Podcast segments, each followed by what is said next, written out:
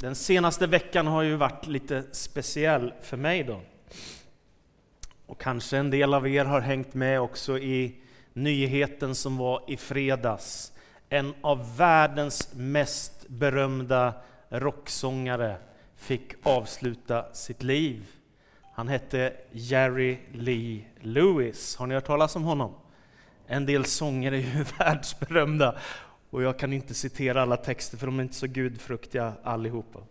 Men i varje fall så växte han upp i eh, ett hem i Faraday i USA och hans föräldrar tog med honom till en pingstkyrka, Assemblies of God i Faraday. Där mötte han evangeliet, där mötte han den kristna sången och musiken och han hade en makalös talang som han använde och han spelade piano fem till sju timmar om dagen där hemma. Så jag vet inte om det finns någon mer i världen som har kunnat spela boogie-woogie och allt vad han kunde, som han gjorde. Han skrev massor av sånger, han reste över stora delar av världen, han knäckte sex äktenskap, var gift sju gånger och kämpade med drogmissbruk genom sitt liv.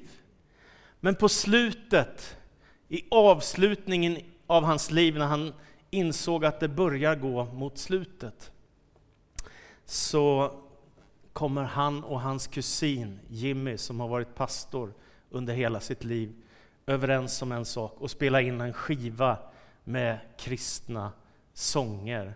Och så säger han till pastorssonen vad jag längtar tillbaka till min barndoms Assemblies of God. Låt oss göra en sån skiva.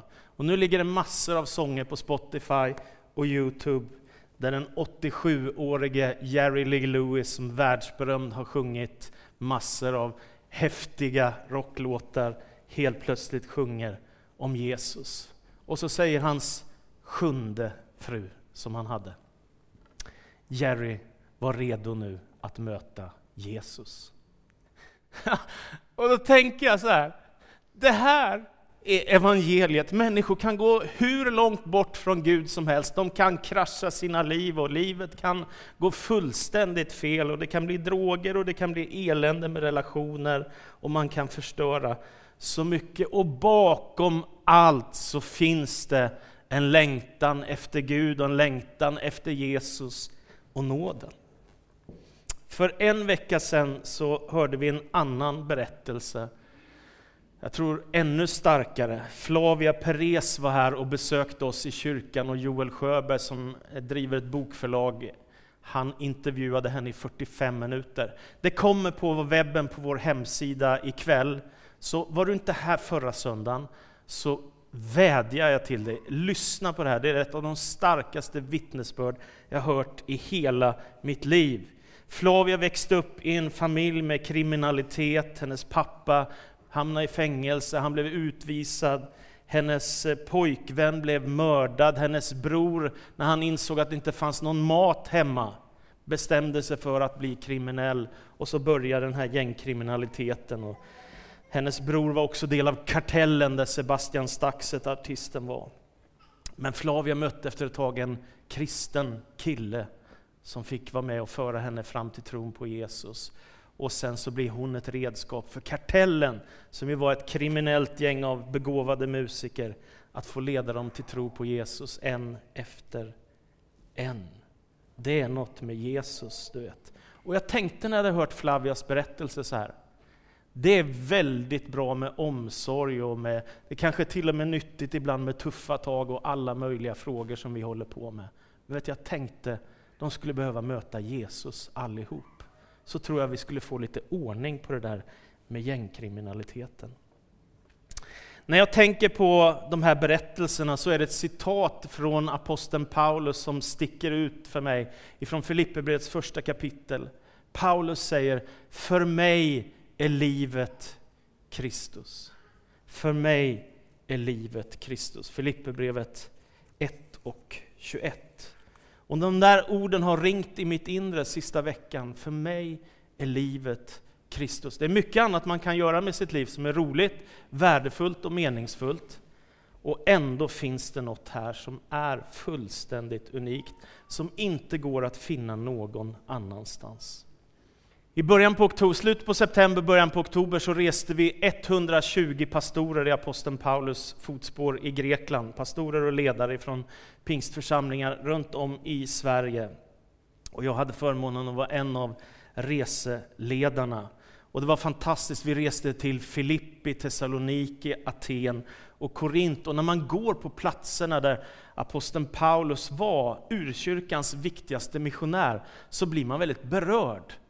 För jag tänkte bara så här, vad enkelt det hade varit att ge upp. Till exempel när man blir piskad i Filippi, kan man inte åka ner till Kavala eller Neapolis som det hette förr och sätta sig vid Medelhavet och, och, dricka något gott och äta något gott istället för att resa vidare och missionera. Är ni med? Vad lätt det hade varit att ge upp, men han gör ju inte det. Nu ska jag ta dig med till en bibeltext, Apostlärningarna kapitel 9, vers 1-20. Apostlärningarna 9 och 1-20. Då står det så här om Paulus omvändelse. Från början hette han Saul. Saul, som ännu rasade av mordlust mot Herrens lärjungar, gick till översteprästen och bad att få med sig ett brev till synagogorna i Damaskus. Om han fann några som hörde till vägen, alltså var kristna, män eller kvinnor, så skulle han få fängsla dem och föra dem till Jerusalem. Men när han på sin resa närmade sig Damaskus omgav han plötsligt av ett bländande ljussken och från himlen, och han föll till marken och hörde en röst som sa till honom Saul, Saul, varför förföljer du mig? Han frågade, vem är du, Herre? Jag är Jesus, den som du förföljer. Stig upp och gå in i staden så får du veta vad du ska göra. Hans reskamrater stod som förstummade. De hörde rösten men såg ingen. Saul reste sig upp, men fast hans ögon var öppna kunde han inte se. Då tog honom vid handen och ledde honom in i Damaskus. Under tre dagar var han blind och han varken åt eller drack. I Damaskus fanns en lärjunge som hette Ananias, och till honom sa Herren i en syn, Ananias, han svarade ja, Herre. Herren sa, gå genast till Raka gatan och fråga i Judas hus efter en som heter Saul och är från Tarsos. Han ber, och i en syn har han sett att en man som heter Anania ska komma och lägga sina händer på honom för att han ska se igen. Herre, svarade Ananias, jag har hört från många håll om den mannen, om allt ont han har gjort mot dina heliga i Jerusalem. Och nu är han här med fullmakt från översteprästen att gripa alla som åkallar ditt namn. Men Herren sa till honom, gå, honom har jag utvalt till mitt redskap. Han ska föra ut mitt namn till hedningar och kungar och Israels folk. Och jag gav och jag ska låta honom veta hur mycket han måste lida för, sitt, för mitt namns skull. Ananias gav sig iväg och gick till Judas hus. Han la sina händer på Saul och sa, Saul min broder, Herren själv, Jesus, som visade sig för dig på vägen hit, har sänt mig för att du skulle få tillbaka din syn och fyllas av helig ande. Då var det som om fjäll hade fallit från Sauls ögon, och han kunde se igen, och han lät genast döpa sig. Och när han hade ätit återfick han krafterna, och han stannade några dagar hos lärjungarna i Damaskus och började genast förkunna i synagogorna att Jesus är Guds son. Det här är ju en oerhört dramatisk berättelse. Saul, eller Paulus, han rasar av mordlust mot lärjungarna, de som har blivit kristna. Det är ju väldigt märkligt. Va? Vad är det som har hänt i hans liv? Paulus är ju en välutbildad teolog. Han har varit hos Gamaliel i Jerusalem, den rabbin av alla judiska rabbiner som står högst i rang genom världshistorien. Han är den enda av alla som har blivit utsedd till rabba, det vill säga någonting över rabbinerna. Och eftersom Sanhedrin, det här ledarskapet i Jerusalem, inte finns kvar, kan ingen mer utses till det. Så Gamaliel var den som har tränat Paulus, en väldigt skärpt teolog. Men Gamaliel hade en öppenhet mot Jesusrörelsen. När Jesusrörelsen bryter fram i Israel så säger Gamaliel till de skriftlärda, om detta är inte sant att Jesus är Messias, då kommer det här dö ut av sig själv. Men om det är sant, då kan det visa sig att ni strider mot Herren själv. Var därför försiktiga, ungefär så säger han. Men Paulus blir tvärtom, han rasar av modlust mot de kristna. Och han får ett brev från översteprästen i Jerusalem att ha rätt att fängsla de kristna i Damaskus. Så det är en oerhörd dramatik. Men det som händer på vägen är ju Guds nåd. Gud uppenbarar sig i Jesus Kristus för Paulus på vägen till Damaskus. Och det är ett, ljusan, ett bländande ljussken från himlen som kommer över honom. Och så hör han en röst. Paulus förföljer inte Jesus, han förföljer de kristna. Ändå säger Jesus, det är jag, Jesus, den som du förföljer. Jesus identifierar sig så tydligt med sin församling.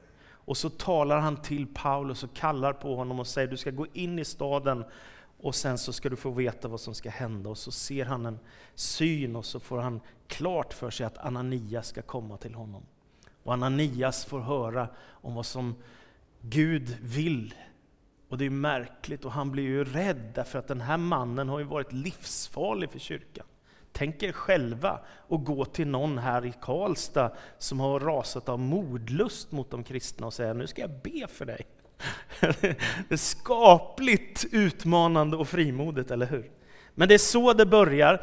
Och det häftiga är att när Paulus blir kristen och när han blir döpt i vatten och fylld av den heliga Ande och han får sin syn tillbaka, då börjar han direkt predika att Jesus är Guds son, Messias, i de judiska synagogorna i romarriket. Och nu har vi rest på fyra av de här platserna, så jag tänkte ta det med. Vi börjar i Filippi, så får du eh, lite bilder också ifrån platserna, de finns ju fortfarande kvar. Nu börjar Paulus sina missionsresor.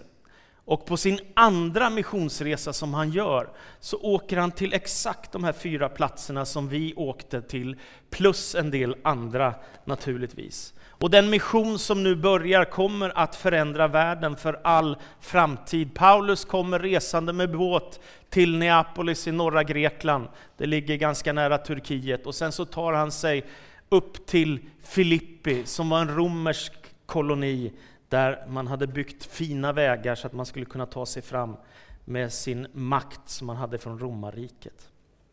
Och då går han till en plats som han tänker, här finns ett böneställe, här samlas människor för att be. Så han går dit. Och när han kommer dit så finns en kvinna som heter Lydia och hennes eh, familj och hennes medarbetare. Hon var en affärskvinna. Och när han är där så får han chansen att säga något om Jesus och han börjar predika och det som händer är att Herren öppnar Lydias hjärta så att hon kommer till tro på Jesus Kristus som frälsare och Herre. Det är fascinerande. Och då undrar hon, vad ska jag nu göra? Och då blir det naturliga svaret naturligtvis att du ska låta döpa dig i vatten eftersom Jesus har sagt gå ut i hela världen, gör alla folk till lärjungar och döp dem i Faderns och Sonens och den helige Andes namn och jag är med er alla dagar. Så det är detta som händer. Lydia kommer till tro på Jesus Kristus och sen så får Paulus döpa henne i vatten tillsammans med hela hennes familj. Hela familjen kommer till tro på Jesus. Och det häftiga är, det här är Lydias dopplats, den finns ju fortfarande kvar. Den här bäcken som rinner genom en del av Filippi. Och här samlades vi, 120 ledare och pastorer. Och det var väldigt starkt också att få be och sjunga lovsång tillsammans på den här platsen. Men Paulus gör något mer också. I Filippi så händer en annan dramatisk händelse. Det är en spådomskvinna, en kvinna som har utsatt sig för det okulta och demoniska och blivit besatt. Hon går efter Paulus och Silas och ropar hela tiden, de här männen är i den högste Gudens tjänst. Och det, väl, det var väl ett fint vittnesbörd. Men till slut så tröttnar Paulus, står det. Det är lite intressant. Han blir trött på det här. Nu räcker det. Och sen så ber han en befrielsebön för henne så att hon ska bli fri i Jesu namn. Och det som då händer är ju att den här spådomsanden lämnar henne. Och när det har hänt så inser han som äger den här slavinnan att nu kan jag inte tjäna några pengar längre eftersom hon inte kan spå längre. Och så är det ju förstört för honom. Och då ska han naturligtvis ställa till upplopp, så han ser till att dra Paulus och Silas inför rätta. Och här verkar det som att det går fort. Därför att helt plötsligt så drar de av kläderna av Paulus och Silas och så börjar de piska dem. Med många rapp, står det. Och sen sätter de dem i fängelse och sen sätter de deras ben i en stock. Och då skulle jag tänka så här, jag tror att jag avslutar min missionsresa. Eller hur? Va? Det känns ju inte som det här var något roligt, va? utan nu är det väl ändå läge att sluta. Och vet du vad det står? Paulus och Silas sjöng lovsång till Gud. Och de andra fångarna i fängelset lyssnade, hörde på. Visst är det fantastiskt? Då? Ja, men vad, vad i hela världen, vad är det för virke i de här människorna? Du har nyss blivit piskad och dina ben sitter i en stock. Nu är det väl inte läge för lovsång? Nu är det väl läge för att vara ledsen och deprimerad och ge upp. Men så är det inte, utan de sjunger lovsång till Gud och precis när de gör det så kommer ett jordskalv, vilket gör att fängelsedörrarna slås upp och de blir fria. Då blir fångvaktaren livrädd, så han tar fram sitt svärd och tänker ta sitt liv. Då ropar Paulus med hög röst, Gör det inget illa, vi är fortfarande kvar här allihop. Och då kommer fångvaktaren inspringande i fängelset och kastar sig framför Paulus och Silas fötter. Och så frågar han, vad ska jag göra för att bli räddad? Och då säger Paulus, tro på Herren Jesus, du och din familj, så ska ni bli räddade. Och låt er döpas i vatten. Och så händer det. Och så får Paulus döpa fångvaktaren i Filippi och hela hans familj till tron på Jesus Kristus. Ja, jag tänker på de här orden, för mig är livet Kristus. Och varför är det så? Jo, det förklarar Paulus när han skriver till församlingen i Filippi, i det andra kapitlet i den femte versen, en av mina favorittexter i Nya Testamentet. Låt det sinnelag råda hos er som också fanns hos Kristus, Jesus. Han ägde Guds gestalt men vakade inte över sin jämlikhet med Gud, utan antog en tjänares gestalt och blev som en av oss. Och när han till det yttre hade blivit människa gjorde han sig lydig ända till döden, döden på ett kors. Och därför har Gud upphöjt honom över allt annat och gett honom det namn som står över alla andra namn. För att alla knän ska böjas för Jesu namn. I himlen och på jorden och under jorden och alla tungor bekänna att Jesus Kristus är Herre, Gud Fadern till ära. För mig är livet Kristus. För mig är livet Kristus. Ja, men det finns ju så mycket annat man kan göra med livet. Ja, jag vet. Men det är inte tillräckligt. Visst är det inte det? Det är inte tillräckligt. Det räcker inte. Hur mycket fint vi än har, det räcker inte. Vi behöver Jesus Kristus. Och jag tänker att eh, när vi förmedlar evangeliet vidare idag, vi har ju samma utmaning idag som i urkyrkan, att evangeliet ska gå ut om Jesus, så behövs det människor som vågar och som har en passion och som vill någonting med sitt liv med Gud. Och det är en fantastisk resa man kan få göra. Och det är möjligt att man får utstå hån, att man blir ifrågasatt, att man inte är välkommen i alla gemenskaper som finns. Det kan vara ett slags lidande i Sverige också naturligtvis, trots att vi är ett demokratiskt land, eller hur? Men det finns ett pris att betala för tron. Jag tänker, vad hade hänt om Paulus och Silas inte hade sjungit lovsång? Vad hade hänt om Paulus hade sagt, nej, om de piskar mig, då tänker jag inte fortsätta. Eller vad hade hänt om han sa, nej men om det är fängelse, nej det, det är inte. Men han är beredd att betala ett så högt pris för han har förstått vem Jesus är.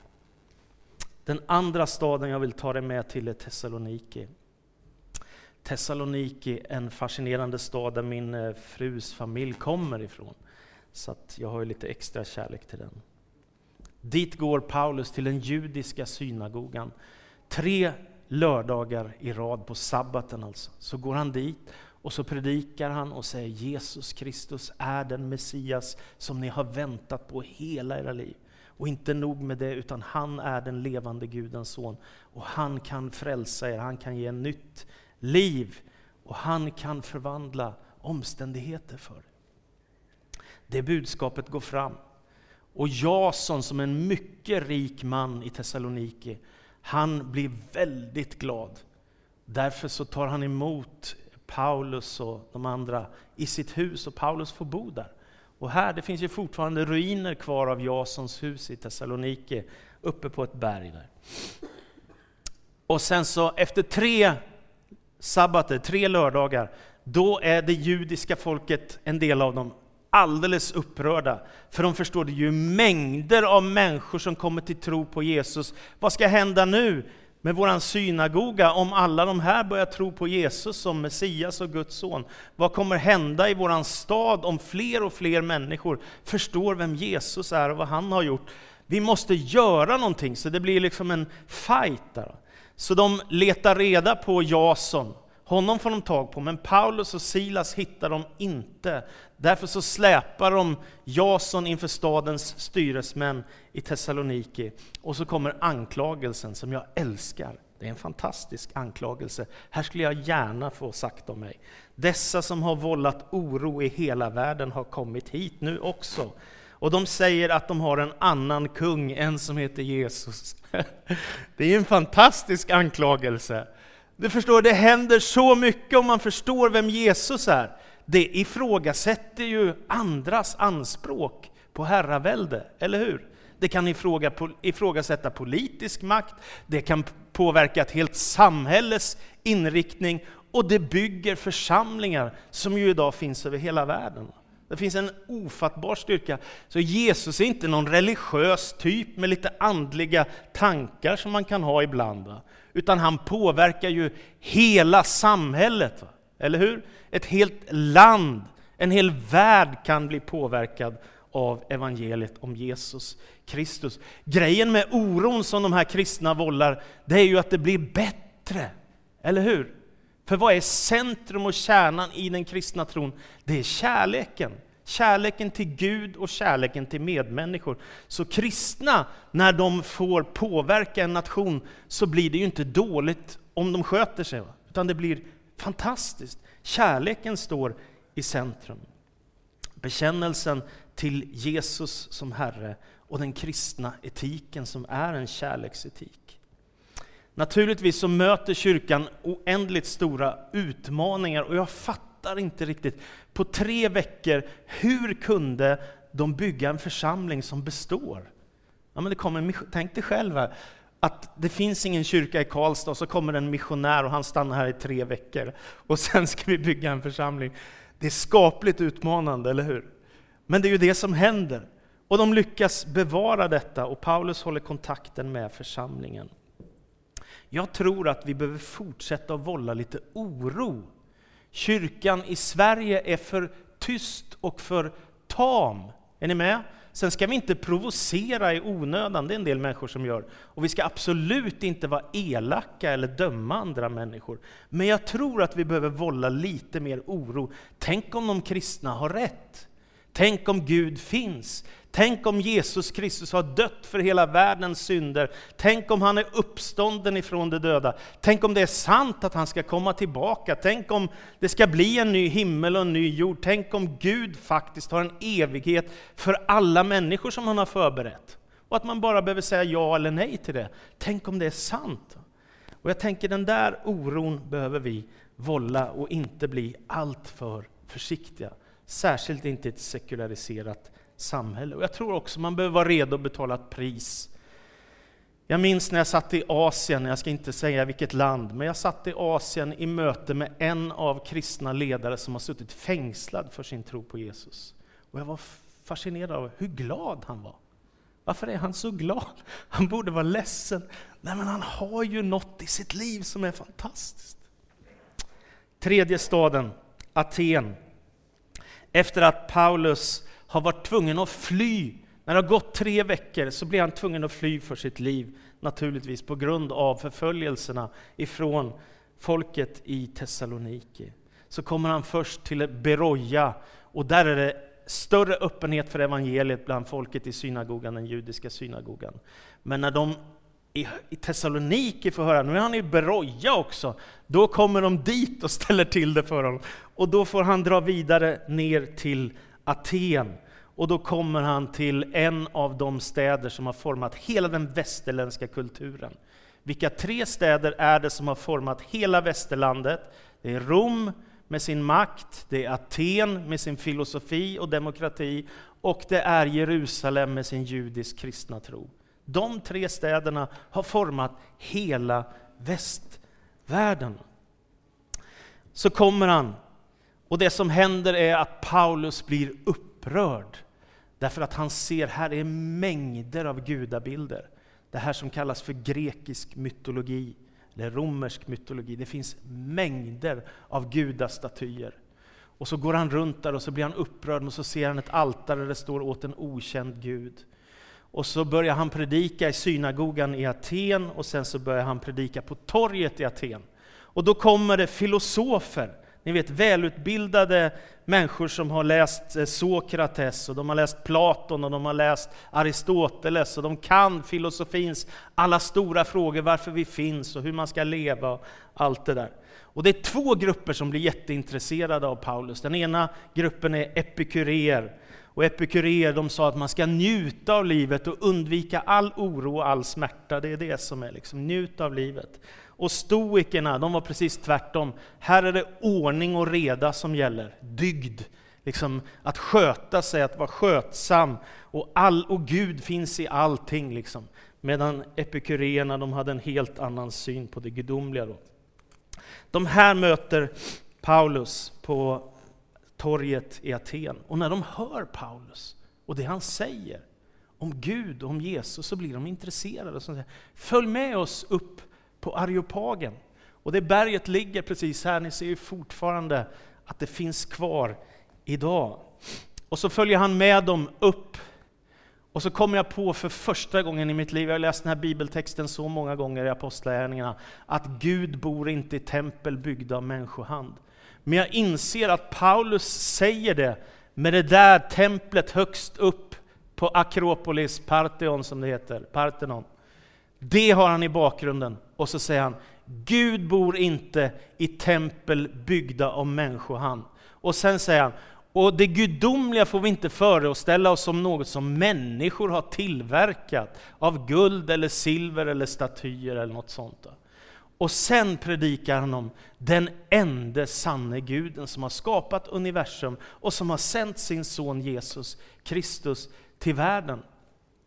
Och de är fascinerande. Och sen när han nämner uppståndelsen från de döda, att Jesus har både dött för våra synder och uppstått ifrån de döda, då händer två saker. En grupp börjar skratta, för de tänker det går ju inte, man kan inte uppstå från de döda. Och den andra gruppen, de blir kristna. Är ni med? Så det händer något dramatiskt där och även i Aten får Paulus eh, bygga upp en kristen gemenskap. Det är fantastiskt. Och jag tänker så här, det här behöver kyrkan också kunna möta.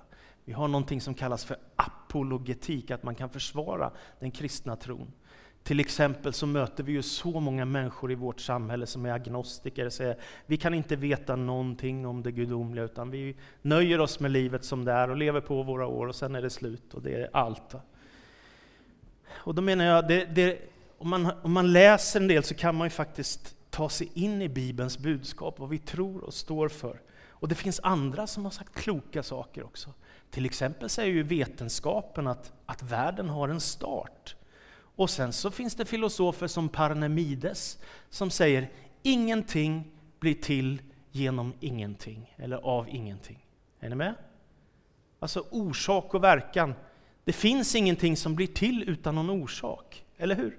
Det borde vara hur naturligt som helst. Och vad är, det, vad är då den självklara konsekvensen? Att det måste finnas en gudomlig makt som gör att vi existerar, eller hur? Inte kan väl ett universum uppstå av sig själv utan anledning, utan någon kraft, utan någon orsak, utan någon som helst anledning överhuvudtaget. Jag kan inte begripa för mitt liv hur man kan tro det. Är ni med? Alltså trons försvar, man måste kunna läsa in sig en del och förstå, jag kan faktiskt försvara den kristna tron. Och idag så står alla dessa gudabilder på museum i Aten och det är fullt med kyrkor i Grekland. Sen till slut så drar Paulus vidare till Korint. Och det var faktiskt den staden som var störst av alla städer i, i Grekland på den här tiden. Och du som har läst Korinthierbreven, om du nu har gjort det, så tycker man ju att det här är en mässig församling. Oj, oj, oj, vad många problem de har. Vilken skillnad mot apostlärningarna, där det bara kraft och liv och glädje och frälsning. Ja, då kan jag berätta om Korint. Det bodde nästan 200 000 människor vid den här tiden i Korint. Så det var en jättestad för att vara antik tid. Då. Dessutom fanns det en fruktansvärt destruktiv livsstil. Man talade om den fria romerske eller grekiske mannen. Det vill säga, männen kunde bete sig lite hur som helst, särskilt när det gällde sexualiteten. Och uppe på berget i Korint, ni ser det ju där, va? fanns ett tempel där det bodde tusen tempelprostituerade enligt vad som sägs. Ett tusen människor som har ett enda uppdrag, vara tempelprostituerade. Och jag frågade guiderna, vad hände med kvinnorna då när de blev gravida? Ja, men då födde de nya tempelprostituerade. Alltså otroligt sorgligt i denna destruktiva miljö där männen är vana att utnyttja slavar och kvinnor och prostituerade och fruarna skulle vara hemma och sköta barnen och föda barn och, och ta hand om hemmet. Och det var det som var dåtidens kultur innan kristen tro kommer. Så kommer Paulus med ett budskap om trohet, om monogama äktenskap, om överlåtelse i kärlek till varandra. Och vet ni vad det är? Det är en sexuell revolution. Att man talar om, istället för att leva lösaktigt, att leva troget. Och det är ett fantastiskt budskap för människor, att inte förstöra för sig själv. Det är fantastiskt. Vad händer? Jo, om du blir kristen, det är inte naturligt längre att gå till en prostituerad. Det borde ju inte vara det, eller hur? Eller om du tar Jesus på allvar, kanske du ska vara rädd om din fru eller om din man och så vidare. Så det här förvandlar samhället med tiden. Och Paulus säger de mest revolutionerade ord som finns i antiken om män och kvinnor och slavar och fria. Så här säger han. Nu är ingen jude eller grek, slav eller fri, man eller kvinna. Alla är ett i Kristus. Vilket budskap! Kan du tänka för 2000 år sedan, om du kan hitta en text som säger något liknande för 2000 år sedan, så kommer jag jubla att det fanns någon mer som kom på så bra saker. Man och kvinna ställs på samma nivå inför Gud. Slav och fri ställs på samma nivå inför Gud. Och jude och grek, judarna var det utvalda folket för Gud. Va? De ställs på samma nivå inför Gud. Och så säger jag, wow! Detta är vad som händer när man tar den kristna tron på allvar. Det är ett revolutionerande budskap som inte är här för att göra livet tråkigt, utan för att skapa goda relationer. Till sist så tänker jag så här, att Paulus kommer med ett Jesusbudskap som har en enorm kraft i sig. Och det är väl därför som kyrkan finns över nästan hela världen idag. Och jag tycker det är så vackert, första Korinthierbrevet 2, vers 1. När jag kom till er var det inte med förkrossande vältalighet och vishet jag förkunnade Guds hemlighet för er. Det enda jag ville veta av när jag var hos er, det var Jesus Kristus, den korsfäste Kristus.